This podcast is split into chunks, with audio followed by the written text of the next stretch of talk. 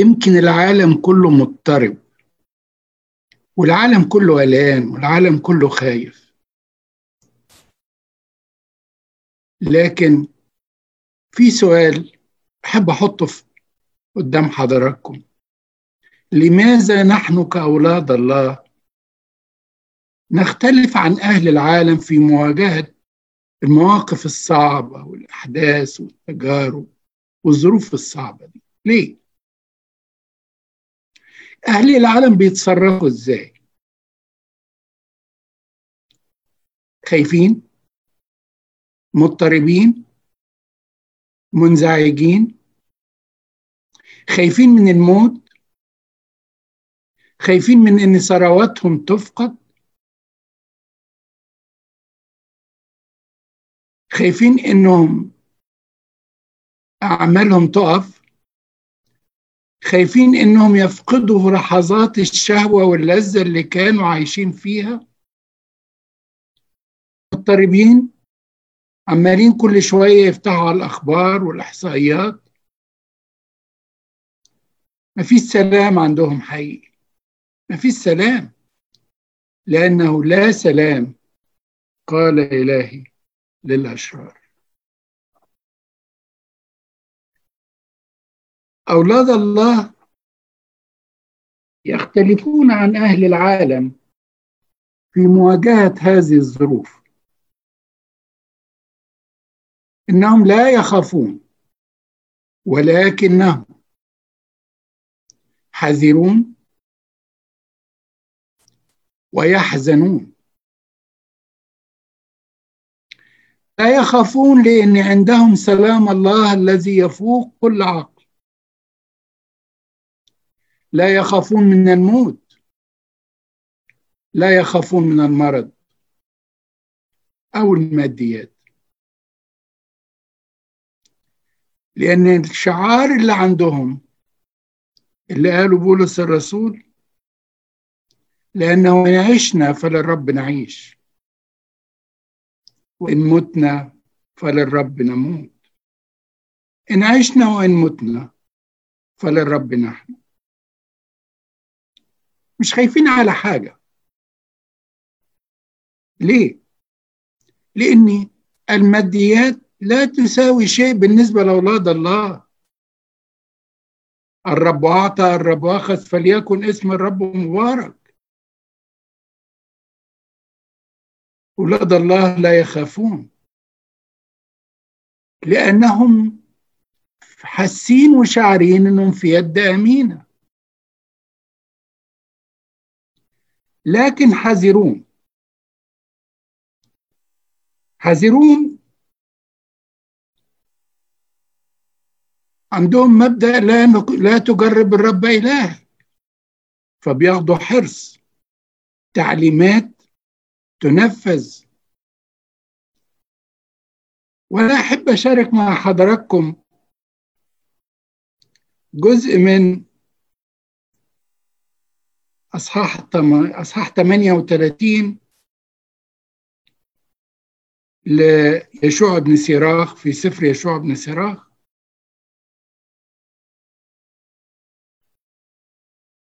ودي رسالة لأن كلام الله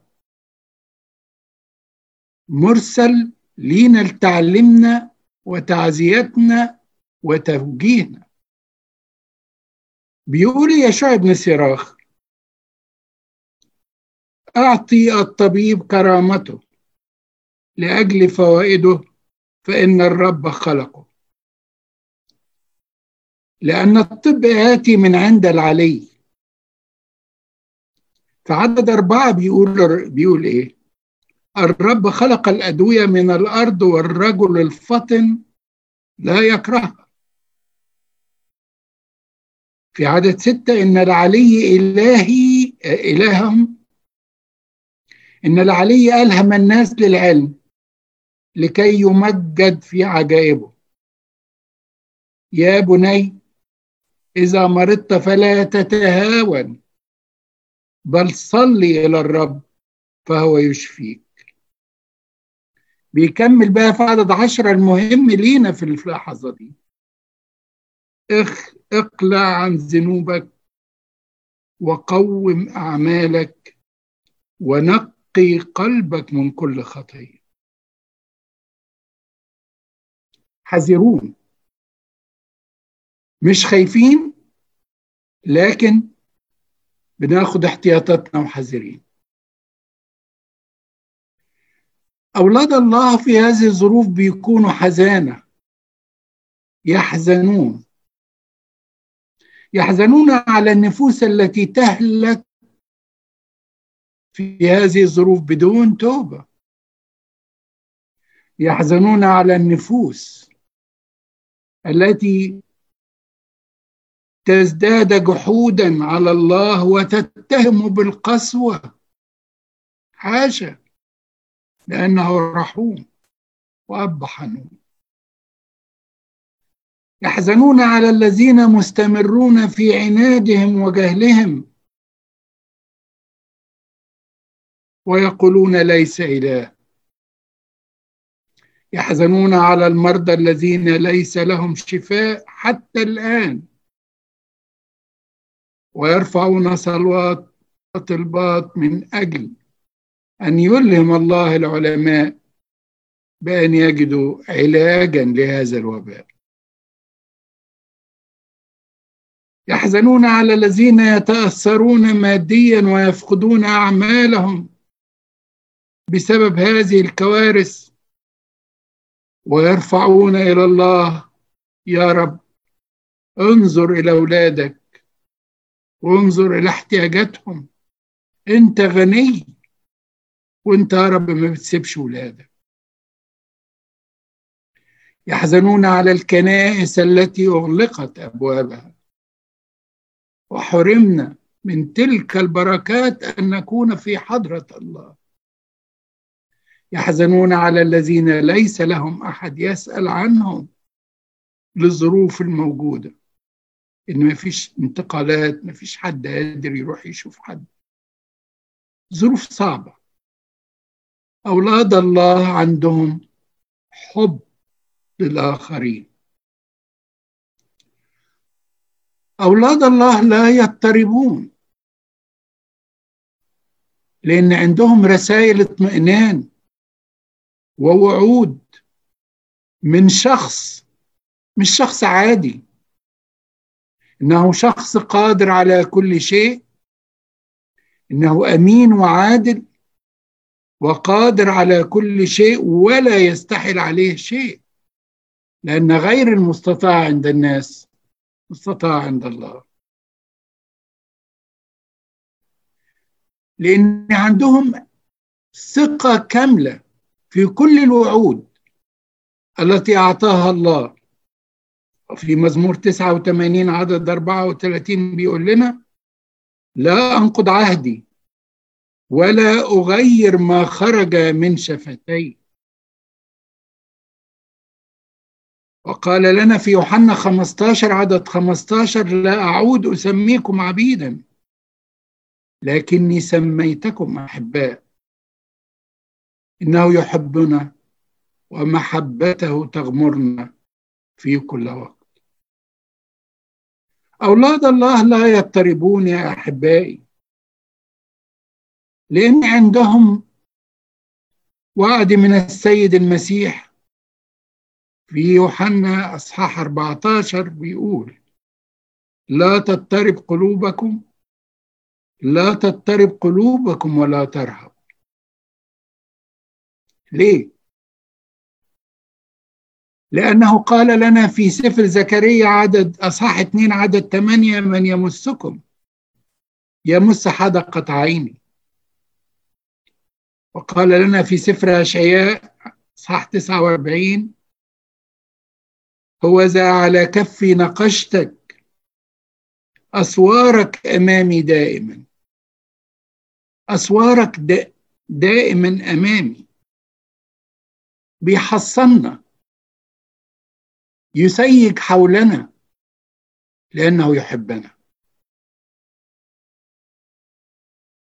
وأيضا في أشعياء أصحاح 49 عدد 15 إن نسيت الأم رضيعها أنا لا أنساكم. وفي إنجيل لوقا يقول لنا في أصحاح 21 عدد 15 وشعرة من رؤوسكم لا تهلك لا تهلك. لا تخف أيها القطيع الصغير. ها أنا معكم كل الأيام وإلى انقضاء الدهر. أولاد الله عيونهم إليه. يشعرون بالاطمئنان. بيرجعوا لكل وعوده. في سفر التكوين بيقول لابونا إبراهيم إيه؟ لا تخف لأني معك. وهو يقول لنا ما تخافوش أنا معاكم. في مزمور 91 اللي يا ريتنا كلنا فعلا نحفظه ونقراه كل يوم ونتعزى بيه. آية 14 لأنه تعلق بي أنجيه. أرفعه لأنه عرف اسمي. في يوم الضيق يدعوني فأستجيب له. معه أنا في الضيق أنقذه وأمجده ومن طول الأيام أشبعه وأريه خلاصي. أولاد الله الذي ملأ قلبهم الحب لا يضطربون من الأحداث الجارية لأن لهم إيمان أن كل الأشياء تعمل معا للخير للذين يحبون الله. أحبائي ليس هذا الوباء هو أول وباء جاء إلى العالم. في أوبئة كتيرة جات وضربت العالم. وقد سجل التاريخ أحداث لأوبئة حصدت كثيرا من الملايين.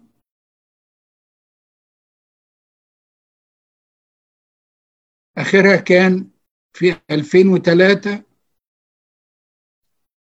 وباء سارس. ومع هذا؟ مرت هذه الأوبئة وانتهت بسلام. حدثت خسائر؟ آه حدثت خسائر. ولكن كله للخير. وهذا الوباء سوف ينتهي بسلام لأن إيماننا في الله إن الأمور هتعدي بسلام وسوف يرسل نجدته وإنقاذه للبشر. ولا يمسكم شيء. هل للخير؟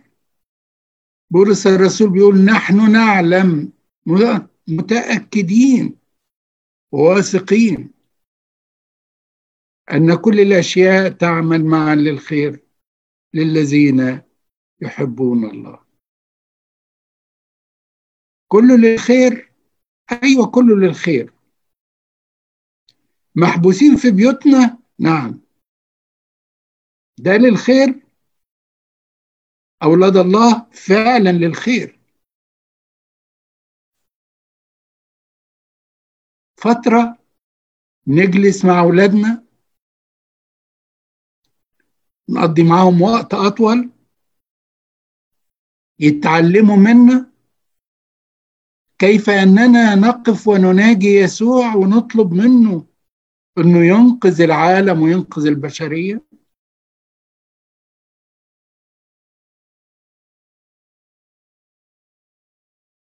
نفتح كلمة ربنا في البيت فيتعلموا ولادنا أن الله ينادينا وأن كلمته دي مشبعة ومغذية. بيشوفونا قوة ونحن في سلام رغم كل العالم المضطرب. قدوة ليهم. قدوة ليهم. فينشأوا أقوياء وسط هذا العالم. ما بيهزهمش حاجة مهما العالم اضطرب من من حولهم. والأمواج بتتلاطم. ما دمت أنت في سفينتي. ربي أنا مرتاح.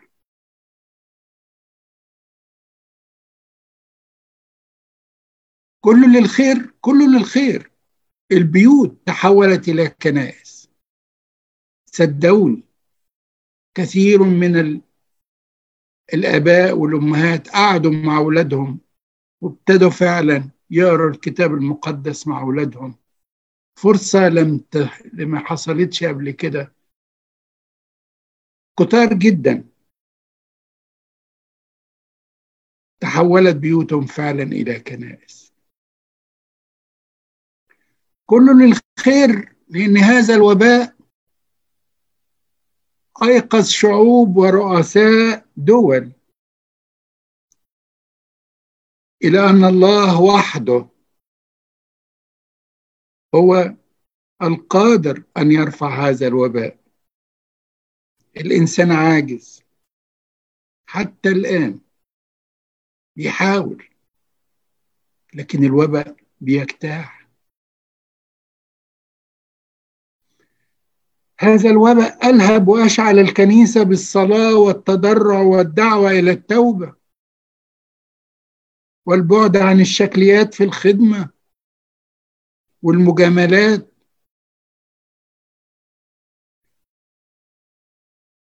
أشعل صلوات كتيرة في بيوتنا وفي كنايسنا